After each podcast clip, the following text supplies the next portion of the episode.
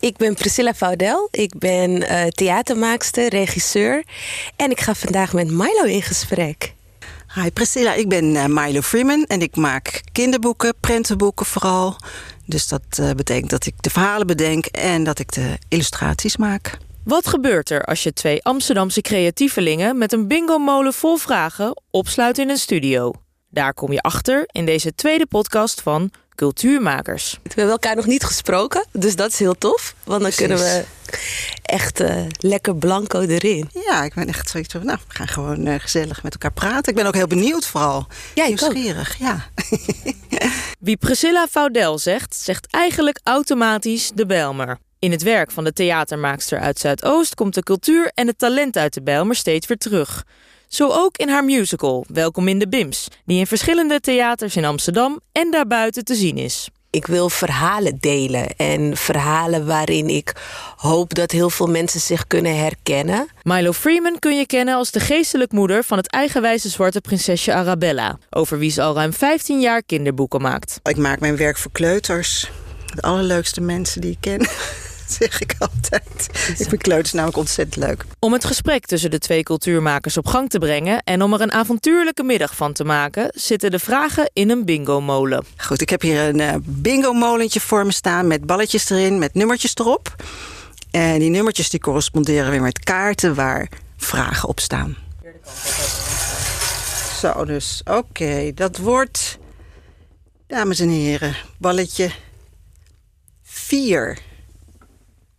Kaartje 4 dus. Die zit het dichtst bij jou, denk ik. Wat wil je met je werk bereiken? Priscilla? Wil je van mij eerst? Jeetje, ook niet een kleine vraag, nee. meteen een grote vraag. Wat wil ik met mijn werk bereiken? Um, ik wil mijn werk vooral delen. Ik wil gewoon of gewoon, ik wil verhalen delen. En verhalen waarin ik hoop dat heel veel mensen zich kunnen herkennen. Uh, maar tegelijkertijd ook dat mensen weer nieuwe dingen leren kennen van andere mensen die misschien wel die verhalen hebben. En uh, we eigenlijk zo iets dichter tot elkaar kunnen komen. Denk die ontmoeting zonder de, dat moeten, zeg maar. Maar wel dat je een ontmoeting met elkaar hebt en dat creëer ik denk ik met mijn werk. Of in ieder geval, daar doel ik op om met mijn werk ja. te creëren. Ja, mooi. En jij? Ja, als ik zelf denk met mijn werk... Kijk, ik maak kinderboeken. Dus echt voor jonge kinderen. En ja, als ik daar het eerste aan denk... dan denk ik toch aan het idee dat kinderen... dus eigenlijk alle kinderen, dus ook donkere kinderen... Uh, zich in, in de boeken moeten kunnen herkennen die ik maak. Hè, de boeken die ja. ik maak. Dus dat ze het gevoel kunnen hebben nou ja, dat ze erbij horen. Dat ze eigenlijk uh, kunnen dromen. Dat ze kunnen dromen van misschien een, een, een astronaut te worden... of een wetenschapper of iemand in de politiek, wat dan ook. Dat alles eigenlijk voor hen weg is gelegd. En dat is denk ik, dat begint bij beeld. En ik denk dat het daarom uh, belangrijk is dat, dat kinderen van allerlei kleuren in, in uh, nou ja, om te beginnen al in prentenboeken voorkomen. En ik hoop echt dat dat ook, uh, dat het ook werkt. Dat kinderen echt het idee hebben van ja, ik hoor erbij. En hè, dat, dat, dat hoop ik eigenlijk vooral met mijn werk te bereiken. Heb je dat zelf gemist in je opvoeding? Ja, ik heb het zeker gemist. En, en het is moeilijk natuurlijk te zeggen. Je kunt moeilijk precies terugdenken hoe je je destijds uh, voelde. Dat, het is niet zo dat ik het destijds als een gemis ervaarde. Maar ik denk, kijk, ik ben eigenlijk begonnen met die boeken van prinses Arabella... toen ik hoorde over een klein meisje, een klein Surinaams meisje... dat een jaartje of acht was... die uh, de rol van prinses weigerde in het theaterstukje. En uh, kijk, ik was natuurlijk in eerste echt gechoqueerd dat, dat dit meisje er zo over dacht. Dat ze echt niet zich kon voorstellen dat er ook zwarte prinsesjes bestonden. Maar ik was ook gechoqueerd door mezelf. Dat ik zelf nog nooit aan dat beeld van een zwart prinsesje had gedacht. Dus het is blijkbaar zo, ja, zo simpel dat wanneer je dat helemaal niet meekrijgt... als, als kind, en ik dan als, als uh, zwart meisje zeg maar destijds... dat dat dus blijkbaar helemaal niet in je opkomt. Maar met terugwerkende kracht zie ik wel dat ik dat toch dat ik dat toch mis. Ik heb eigenlijk het gevoel dat ik zelf ook een inslag hoe zeg je dat, een inhaalslag aan het maken ben wat dat betreft. Ja, ik kan me nog herinneren dat ik Jasmine van Aladdin zag. En dat ik dacht, wow, die komt het mee. Wow. Ik, ik was helemaal in shock dat zij um, kind of op mij ging lijken. Dat ik me ermee kon identificeren. In ieder geval qua uiterlijk. Niet zozeer vanuit culture, maar want Aladdin was echt een Arabische Disney-film. Maar wel dat, dat ik even dacht van... Oh, ze heeft uh, zwart haar, iets meer getint. En, en is niet net als de andere prinsessen. Maar dat realiseerde ik me pas toen zij kwam. Ja, precies. Dus het is echt, als je het ziet, denk je van... oh ja, natuurlijk. Wat, wat, wat, wat eigenlijk wat belachelijk dat je dat gewoon niet veel meer ziet. Ja. Ga jij weer draaien? Moet ik weer draaien? Oké, wacht even hoor. Even kijken. ja, ik kom er niet bij. Ik ga me afdraaien. Oké, daar komt hij hoor. Yes. En dan hebben we balletje 2. Zal ik? Ja, doe jij maar. Waar ben je tot nu toe het meest trots op in je carrière en in je privé? Oh, laten we eerst carrière doen. uh, ja, carrière. Ja, trots. Ik vind trots altijd zo'n moeilijk woord. Maar waar ik wel eigenlijk toch het meest dankbaar voor ben... dat is toch dat ik prinses Arabella heb ontmoet. Zou ik Ja. maar zeggen. Toch door dat verhaal over dat eh, kleine meisje. Dat dat op mijn pad is gekomen. Dat heeft me gewoon zowel persoonlijk als, als, als op eh, werkgebied zo ontzettend veel gebracht. Dus ik zou zeggen dat ik daar echt het meest ja, dankbaar, blij, trots, wat je het ook, eh, hoe je het ook mag noemen. Eh, nou ja, dat is voor mij echt wel een, een mijlpaal, een eikpunt.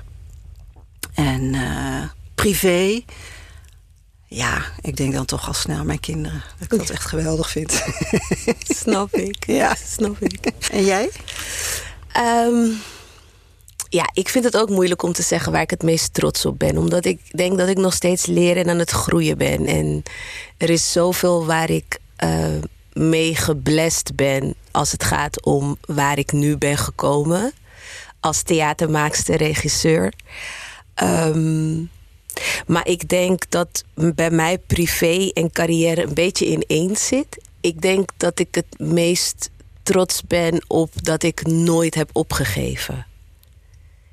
En dat ik ergens, ook al denk ik heel vaak van niet, toch in mezelf heb geloofd. Ik heb meerdere malen in, in mijn, mijn, carrière, dat inmiddels eigenlijk vanaf het begin gekoppeld is, ook aan mijn privé, gedacht van ik, ik stop ermee. En ik denk dat dat heel erg te maken heeft met de onzekerheid die de overhand neemt. Uh, je kwetsbaar opstellen naar een publiek. Mensen uh, je werk tentoonstellen waardoor ze het ook mogen bekritiseren. Um, iedereen happy daarin met je werk willen maken, maar dat, dat is niet altijd het geval. Ik denk um, het, meest, uh, het meeste bijgebleven moment dat ik echt wilde opgeven was nog op de opleiding. Uh, de theatermaakopleiding, theaterdocentopleiding. En toen wist ik nog dat, ik, uh, dat de artistiek leider heel erg boos op mij was, omdat ik niet uh, wist hoe ik een keuze moest maken in, uh, in, in, in mijn concept. En toen werd ook nog een andere docent heel erg boos op mij. En die was teleurgesteld in mij, want ik, uh, ik wist het gewoon even echt niet meer. En toen weet ik dat ik naar huis ben gegaan. En dat ik eigenlijk gewoon onder mijn bed wilde liggen. En er nooit meer onderuit wilde komen. En eigenlijk ook gewoon nooit meer naar school wilde gaan. En ik mijn moeder helemaal in paniek opbelde. En dat mijn moeder zei... Priscilla Vaudel, ik heb niet zo een dochter opgevoed. Volgens mij ga jij dit juist omdat je dit nu meemaakt afmaken. Dus je gaat terug. Met lood in mijn schoenen ben ik teruggegaan. Maar ik heb geen dag spijt gehad van dat ik dat heb gedaan. En ik denk dat alle teleurstellingen of, of moeilijkheden of barrières of onzekerheden me altijd weer terugbrengen naar dat moment. Ja. Waarin je je super eenzaam en kwetsbaar voelt. Maar er iets in je zegt. Maar dit is niet het moment dat jij gaat opgeven. Ja, ja ik snap hem wat je bedoelt. En het hoort eigenlijk ook zo bij een, uh, bij een creatief beroep ook. Hè? Dat je dit Absoluut. soort ja, ups en downs meemaakt. Oeh, daar gaat hij bijna. balletje 1. Die ligt even vlak bij mij. Ja. Welke plek in Amsterdam inspireert jou en waarom? De Bijlmer. Amsterdam Zuidoost, a.k.a. de Wims. De enige wijk in Nederland die echt ehm, ja, from ground up opgebouwd is op Caribische en Afrikaanse culturen. En de super privilege dat ik daar opgegroeid ben, omdat ik nooit het gevoel heb gehad dat mensen niet op mij lijken. Iedereen leek op mij. Hier gingen we blonde haren met wax vlechten omdat zij op mij wilden lijken. En naar de muziek die ik luister wilde luisteren. Tegelijkertijd is het een wijk waarin eigenlijk de tweede generatie, de derde generatie Surinaams Nederlanders, um, uh, toen nog Antillianen, uh, um, Afrikaanse community uh, zelf een eigen community hebben opgebouwd. Mm -hmm. Dat geïnspireerd is op de Amerikaanse hip-hopwereld. Um, waar we ons hebben laten inspireren door dans, fashion, kunst, muziek natuurlijk. Ja. Dus de Belmer is voor mij. Ik verromantiseer het misschien. Maar ik denk dat dat heel erg komt doordat, we, doordat het een wijk is dat zo hard in het negatief daglicht stond. Dat terugkijkend ik eigenlijk nu alleen nog maar de winst en het goud ervan kan inzien. Hmm, mooi. En ben je wel eens in een buurt geweest, of ben je wel eens langere tijd in een buurt geweest waar je wel het gevoel had dat je de, de enige of de buitenstaander was, of dat iedereen, zeg maar, de mensen om je heen niet op jou leken? Nou, het is heel grappig. Pas toen ik op de theaterschool rondliep, voelde ik me de ander. Ja. Verder in Amsterdam of een wijk heb ik me dat nooit gevoeld. Totdat hmm. ik dat gebouw inliep en dacht: niemand lijkt op mij, terwijl het gewoon op Waterloopplein staat. Ja, ja, ja. precies. Ja. ja. Maar was het een probleem? Vond je het, vond je het lastig? Ja, heel erg. Oh. Heel erg lastig. Want ik was niet alleen um, een van de weinigen van kleur. Ik was ook nog eens een keer de enige uit Amsterdam Zuidoost.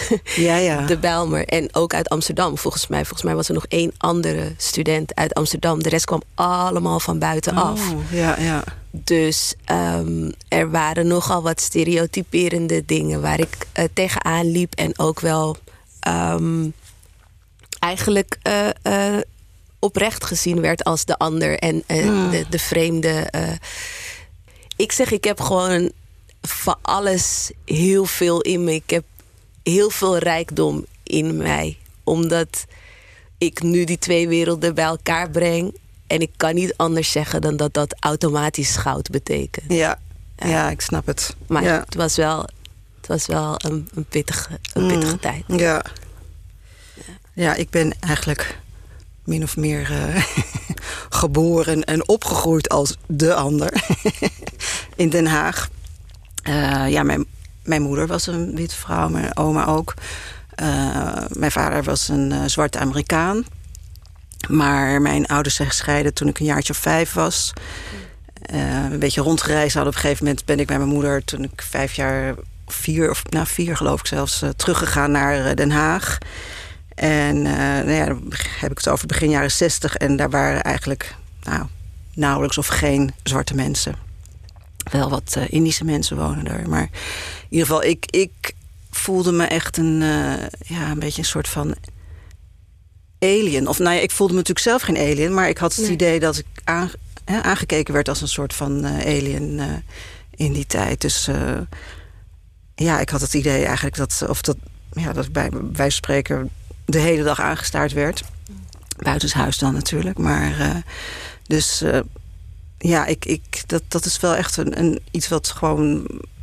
Ja, waar je in opgroeit en wat je, wat je gewoon eigenlijk levenslang denk ik toch op een bepaalde manier met je meedraagt. Uh, dus als ik jou zo hoor vertellen over die uh, community, dan uh, denk ik van oeh, ik ben een beetje jaloers. maar goed, weet je, inmiddels is het wel zo, want ik ben wel heel liefdevol opgegroeid, opgevoed. Dus ik denk, Hè, en mijn moeder nam mij altijd mee of mijn moeder had zeg maar een hele open blik naar buiten toe. Dus die nam mij mee naar concerten, naar ballet, naar het museum. Dus ik heb wel door haar eigenlijk een hele goede blik, een open blik naar de wereld gekregen. Dus ik heb wel altijd een soort van, van, van natuurlijke nieuwsgierigheid en empathie naar allerlei culturen. En dus ik, op een bepaalde manier zweef ik overal een beetje tussendoor, zou je kunnen zeggen. Ja. Maar uh, ja, ik denk dat ik ook wel, nou ja, als ik voor mezelf spreek, wel sneller verbinding voel met allerlei verschillende mensen en culturen. Dus misschien zo uh, leg ik het natuurlijk positief uit, maar ik denk wel toch dat het ook zo is. Dat ik uh, dat je een beetje nergens bij hoor, maar me ja. toch wel gevoelsmatig wel verbonden voel met veel ja, mensen en cultuur om me heen. Ja. Een hier nor there Lander noemen ze, noemen ze dat. Dus, is mooi. Ja, is mooi. Dus ik, ik woon zelf in de Nieuwmarktbuurt. En uh, nou ja, dat is natuurlijk een hele oude buurt. En dat voel je ook wel. Er zijn grachten. Het is vlakbij het Rembrandthuis. En, en je hebt die hele mooie waag. Hè, natuurlijk op de Nieuwmarkt. Dus je voelt ook wel heel erg die geschiedenis. Ik ben nu bijvoorbeeld ik ben er nog niet mee bezig, maar ik ga een boekje maken over de tijd van Rembrandt. Dat daar ook in mijn buurt heel veel zwarte mensen woonden. Dat waren dan vooral uh, zeelieden uit. Uh, ja, zeemannen uit uh, Afrika, Congo en Brazilië. Mm. En die dan weer vriendinnen of vrouwen hadden die, die vaak werkten. Waren soms tot slaafgemaakte vrouwen, niet altijd. Zwarte vrouwen, maar die dan trouwden met, ja, met, met bediendes of eh, ex-slaafgemaakte vrouwen... die daar dan ook in de buurt woonden. Er zijn heel veel uh, archieven van uh, bekend. Dus trouwactes en geboorteactes. er was ook één vrouw, een soort vrouw... die een soort van pension hield... en ook echt een beetje koppelaarster was tussen zwarte man en vrouw. Echt ontzettend leuk. En ook heel veel kunstenaars woonden daar. En ook ja, mensen uit Oost-Azië. Dus het is gewoon eigenlijk ook een beetje zoals de buurt nu ook aanvoelt, zeg maar. Hè? Dus dat Heel rijk. Heel, ja, heel rijk en heel divers ook. Ja. Dus dat is wel, uh, ja, vind ik ontzettend leuk. Mm. Nou, balletje. Oké, hier komt balletje drie. Dat is bij jou. Dat is bij mij nog, ja. Oh nee, hier. Wow. Is aan deze kant. Ja. Oh ja. Oké, hoe ben je ooit in dit vak terechtgekomen? En had je dit altijd al als doel voor ogen of ging het anders? Mag jij, mag jij nu okay. Hoe ben ik in het vak gekomen? Nou, ik zal je zeggen, ik had... Uh, en, uh, maar goed, die, die kinderboeken, dat is eigenlijk pas gekomen toen ik... Uh, toen ik zelf kinderen kreeg. Mijn oudste zoon uh, David uh, werd geboren op een gegeven moment. En toen dacht ik van ja, ik moet wat leuke dingetjes voor hem maken. Iets aan de muur, iets boven zijn wiegje, weet je. Een beetje, beetje nou ja, leuk aankleden. En toen dacht ik, nee, op een gegeven moment dacht ik, ga ook eens kijken naar boekjes of er iets leuks is. En ja, op een gegeven moment uh, kwam hij in de leeftijd om, om uh, zindelijk te worden. Toen dacht ik, goh, ga eens even kijken of ik daar misschien iets leuks voor kan verzinnen. En uh, had ik een verhaaltje bedacht. Nou, ik stuur het gewoon naar een uitgever, wie weet. Er waren toen nog heel weinig boekjes wat dat betreft. Het is nu staan er kasten vol, maar toen was er geloof ik maar één boekje. En ja, ik had de tekeningen opgestuurd in eerste instantie. En toen... Tekende je ook zelf? Ja, ik teken zelf, ja. Oh, ja. En ik had wel een verhaaltje bedacht, maar ik dacht, ah, ik stuur gewoon kopietjes, kleurkopietjes op van de tekeningen. Toen was er nog geen internet. Oh. en, uh, met toen, fax? Met de fax, ja, verdomd, ja, echt. Ja, echt. Toen, toen belde die mevrouw van de uitgeverij mij. En die zei van, ja, leuk, leuk leuke tekeningen. Maar we willen graag even het verhaal zien. Toen dacht ik van, verhaal? Dat is, is toch helemaal niet belangrijk? Maar het was natuurlijk wel belangrijk. dus toen heb ik inderdaad het verhaal nog even gefaxt. En uh, nou ja, dat was het eerste boekje. En dat ging gewoon zo goed. Werd leuk opgepakt. En uh, ik dacht ook van ja, dit is gewoon wat ik wil doen. Dit vind ik leuk. Zelf verhalen bedenken, zelf tekenen. En, en dat er dan nog een boek van is, weet je, iets concreets. Dat vind ik ook heel erg leuk. Want dan kan je gewoon naar de winkel en dan ligt het daar. Dat is natuurlijk ja. hartstikke spannend. Hoe was dat de eerste keer? Ah, geweldig. Ja, ja want we, David, mijn zoon, was toen twee, denk ik, tweeënhalf of zo. En uh, gingen we samen naar de winkel kijken waar het in de winkel lag. En dan zei hij zo, oh, hier liggen er nog een heleboel. Oh. Schattig. ja, nee, het was echt geweldig. Echt een kick. Dat, dat, dat zo'n eerste keer, dat vergeet je natuurlijk ook nooit. Nee, daarom. Ja, maar goed, ik had dat nooit gedacht hoor. Ik dacht ook altijd van ja, kinderen tekenen, dieren tekenen. Dat is helemaal niks voor mij. Dat kan ik helemaal niet, weet je wel. Allemaal. Ja. Dus ik had er eigenlijk nooit één moment bij stilgestaan dat ik dit ooit zou doen. Mooi, heel nice. Ja, uh, ik ook niet. Ik wist echt niet dat ik dit zou doen. Ik heb van alles gedaan, echt letterlijk van alles. Maar de leukste baan die ik had was in de beveiliging op Schiphol. Toen ontdekte ik ook meteen hoe erg ik aan de andere mensen en hoe, ik, hoe gefascineerd ik was door andere mensen. En toen liep ik op Osdorpplein. En toen kwam er iemand uit de meervaartstudio gerend. En die zei: Jij moet iets met theater doen. Toen zei ik: uh, Wow, wat is theater?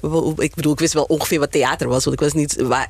Theater, ja, wat houdt dat voor jou in en waarvoor vraag je me dan? Ja, we hebben jongerengezelschap, jong rast en, en dan kan je dan bij. Toen zei ik, nou, maar ik ben niet meer zo jong hoor. Ja, hoe oud ben je dan? Ik zeg, ja, 24. Maakt niet uit, kom toch maar. Nou, dus zo uh, ging ik auditie doen. Ik wist niet eens waarvoor ik auditeerde. Ik werd aangenomen. Ik wist niet eens waarvoor ik werd aangenomen. Ik zag iedereen heel blij om me heen. En ik dacht, maar wat gaan we doen dan? Het, ik had echt, ik wist niks. En dat was in de meervaart. Ja, en toen, toen later kwam ik erachter dat ik dus dat heel erg mooi vind. En kwam ik er ook achter dat theater voor mij. Ik mocht, het was een gezelschap dat met onze eigen verhalen werkte.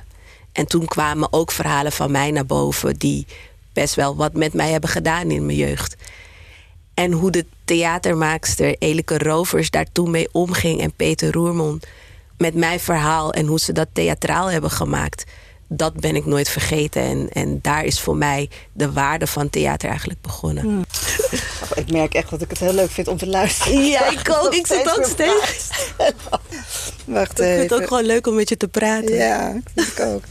Oké, nee. Ga even kijken. Wat staat erop? Voor wie maak jij je werk?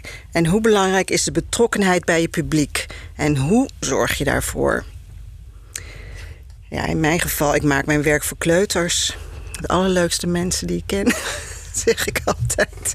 Ik vind kleuters namelijk ontzettend leuk. Peuters en kleuters natuurlijk ook. Maar, die uh, leeftijd, drie jaar die is leeftijd is zo leuk. En zo... Mijn uh, zoontje is drie. Ja, lief en, en, en, ja. en, uiteraard niet alleen maar lief, maar gewoon zo... Uh, Bruisend, ja. hè? Ja, helemaal. Ja, hoe belangrijk is de betrokkenheid bij je publiek? Natuurlijk heel erg belangrijk. Ik ga heel veel naar uh, scholen en bibliotheken, maar vooral veel naar scholen om voor te lezen. En, en tekenen ook altijd dan in de klas.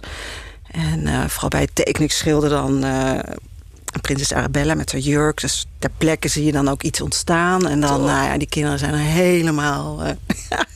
Het is bijna magie wat ze ja, zien. Ja, absoluut. Ja, ze vinden het echt toveren. En uh, ja, wat kunt u mooi tekenen. Heel schattig.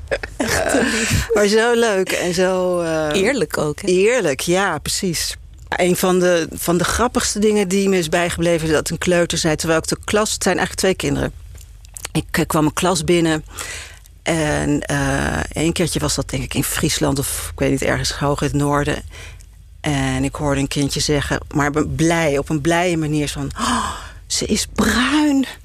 Nou ja, dat vond ik zo geweldig. Weet je, dat iemand zo, zo spontaan zegt van... En zo van, oh, dat had ik helemaal niet verwacht. Weet je, maar op een leuke manier. Dat ja. had ik eigenlijk nog nooit gehoord. Terwijl natuurlijk... Ik weet natuurlijk dat kinderen wel kleur zien.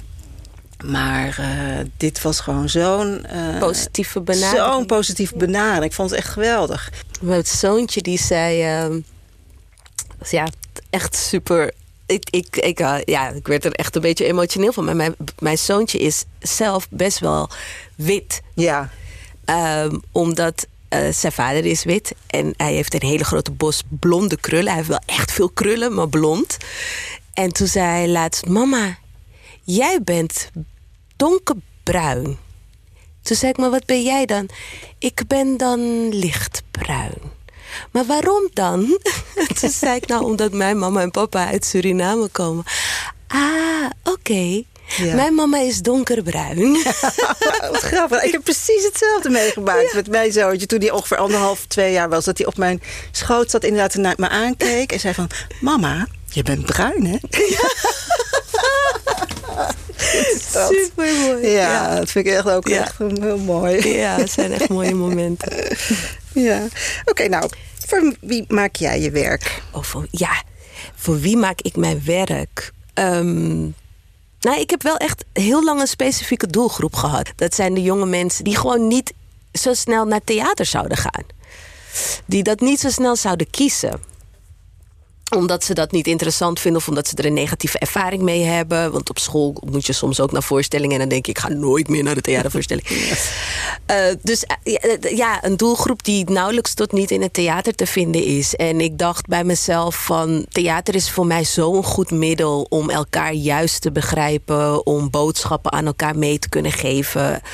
Um, dat ik, uh, dat ik juist die doelgroep wil bereiken. Zodat voor hen de wereld nog iets breder en, en, en groter wordt. En eigenlijk alles wat jij vertelde dat je hebt meegekregen van jou, vanuit jouw opvoeding, dat ik dat ook aan de community die ik uh, interessant vind mee kan geven. Omdat ik merkte dat theater zo eenzijdig publiek had. En daardoor. Uh, krijg ik dus heel vaak de reacties van... oh, ik wist niet dat dit ook theater was. Of ik wist niet dat theater dit kon zijn. En ja, ja. daar doe ik het voor. Ja, ja. goed. Ja.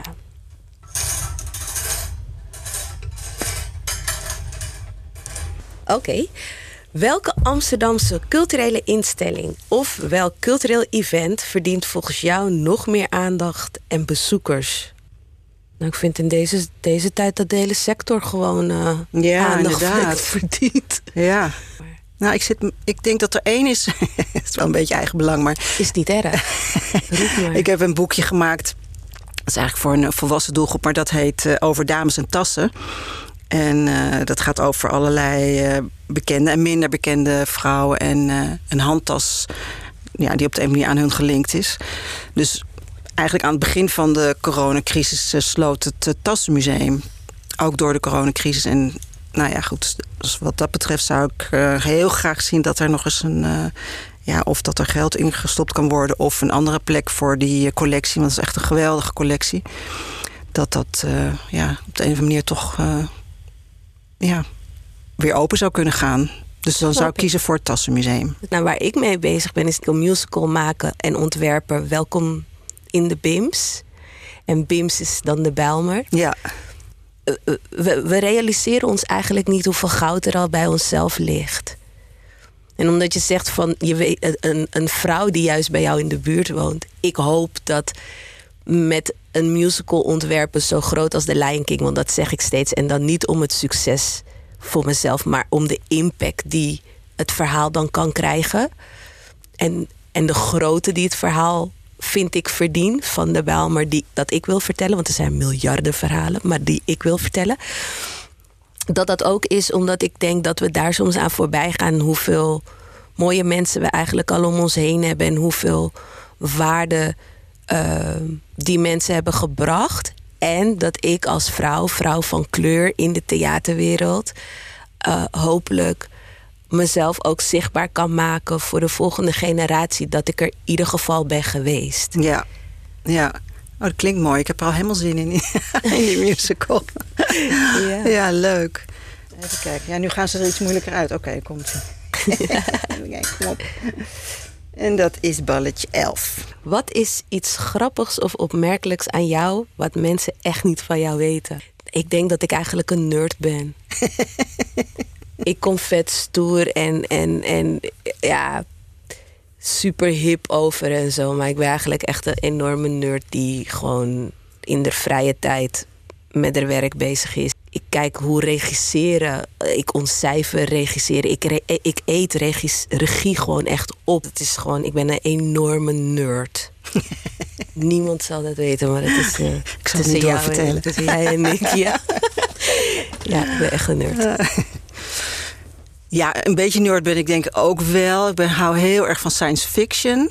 Ik ook. Ja? Ja, ik ben echt dol op science fiction. Oh ja, ik ben echt een nerd. maar als het nou op, zeg maar, als je nou, nou wat ik nou zelf grappig vind. Nou ja, ik moet nu wel zeggen wat ik zelf grappig vind. ik vind wel dat ik bijvoorbeeld heel goed uh, mee kan rappen. en vooral met hele vieze raps. Dat is echt zo erg dat mijn dochter zegt van... Nou, mama, kom op. Echt? Dat is echt leuk. Dat had ik niet van jou ik kan het niet uit mijn hoofd. Maar ik kan het wel heel goed uh, een beetje bijhouden. Dus dan ga ik ook heel stoer doen en zo. Maar dan liefst als er dus niemand bij is. Hè? Zegt deze prachtige feminist hier aan tafel met een bril. Zegt ik ga hele vieze raps meedoen. Maar ik vind het ook vaak gewoon echt geweldige nummers. Dus Ja. ik denk, ja, ik eh, doe gezellig mee. Nou, even kijken. Oh, dat vind ik wel heel mooi. Wat vind je het mooist aan elkaars werk? Ja, ik heb natuurlijk een beetje ook in voorbereiding op het gesprek... maar ook wat over je gelezen. Ja, ik vind het gewoon fantastisch dat je je eigen buurt zo weet te... te en en je, je, je gemeenschap zo weet te transformeren naar theater. En dan weer... En dan ook eigenlijk weer teruggeeft aan je eigen buurt. Dat vind ik echt fantastisch eigenlijk. Dankjewel. Ja, echt heel mooi. Ja, ik vind de impact die jij maakt met je boeken. Ja, ik kan niks anders zeggen. Het, het- je brengt verandering. En dat is, Nou, dat is iets wat ik enorm heb gemist. En ik denk velen met mij. Ook al leefde ik in een, in een community waarin we onszelf in elkaar konden herkennen. Het moment dat de tv aanging of er een boek getrokken werd, was dat niet meer wie wij zijn. En moesten we ons verhouden tegen ten opzichte van de ander. ja. En als ik jouw boek had mogen lezen op mijn leeftijd, had ik me heel wat stijltangen bespaard. Ja. ja dus ik vind je werk prachtig, omdat ik weet dat het heel veel impact heeft. Nou, dat vind ik echt geweldig. Dankjewel. Ik krijg hier nu nog een kaart, oh, een bonusvraag. Ja. Staat er ook heel groot boven. Bonusvraag. Hoe zou je het hoofdthema van deze podcast omschrijven? Welke genre muziek, gedicht of wat dan ook past daarbij? Dus de eerste vraag is: hoe zou je het hoofdthema van deze podcast omschrijven? Ja, ik denk toch identiteit. Ja, ik moet de hele tijd toch wel denken aan We In This Together of zo op een bepaalde manier. Maar ik denk dat dat heel erg te maken heeft met hoe sterk ik ons vind in wat we, pro- wat we proberen, wat we ook daadwerkelijk echt brengen. En dat, dan herken ik mezelf ook een beetje in jou. Alleen dan ben ik echt een hele andere persoon. Maar toch, Ja, ja ik, ik denk inderdaad door, door, ja, door onze eigen identiteit te vinden. eh, En dat, te- dat te verwerken in, in, in je werk, in je kunst. weet jij nu wie je bent? Ja, sommige dagen wel, sommige dagen helemaal niet. Maar het is eigenlijk. Het grappige is misschien ook doordat dat het zo. Dat ik me zo op mijn plek voel. dat ik daar eigenlijk ook niet meer zoveel over na hoef te denken. Ja, dat, is het dus eigenlijk ook, hè? Ja. En dat, dat is denk ik wel. ehm, ja, dat is eigenlijk wel een mooi punt om te bereiken, Ja. denk ik. Het is meer dat ik, zelf, dat ik misschien anderen probeer te helpen Ja. om, om, om hun plek te vinden. Maar voor mezelf denk ik van ja, het is, het is, het is eigenlijk wel goed. ja, ik ben ook, ik ben echt oké. Ja, precies. Misschien is dat dan het hoofdthema. Wij zijn oké. We zijn oké. Ja. Welk genre muziek dan? Rap. is rap. Ja, Wij zijn oké. ja. Ja, ik hou zelf toch het meeste van R&B muziek. Ik, Ik denk, ook. terwijl ik hou eigenlijk ook van heel erg van klassieke muziek, maar ik hou Ook van de Nina Simone. Ja, maar bij fantastisch. R&B muziek heb ik echt het gevoel dat ik het leven hoor, zou ik maar zeggen. Ja. Echt ook de, de beat, alles. Dan denk ik van, echt, ik voel me echt Ik ben in het helemaal... leven staan.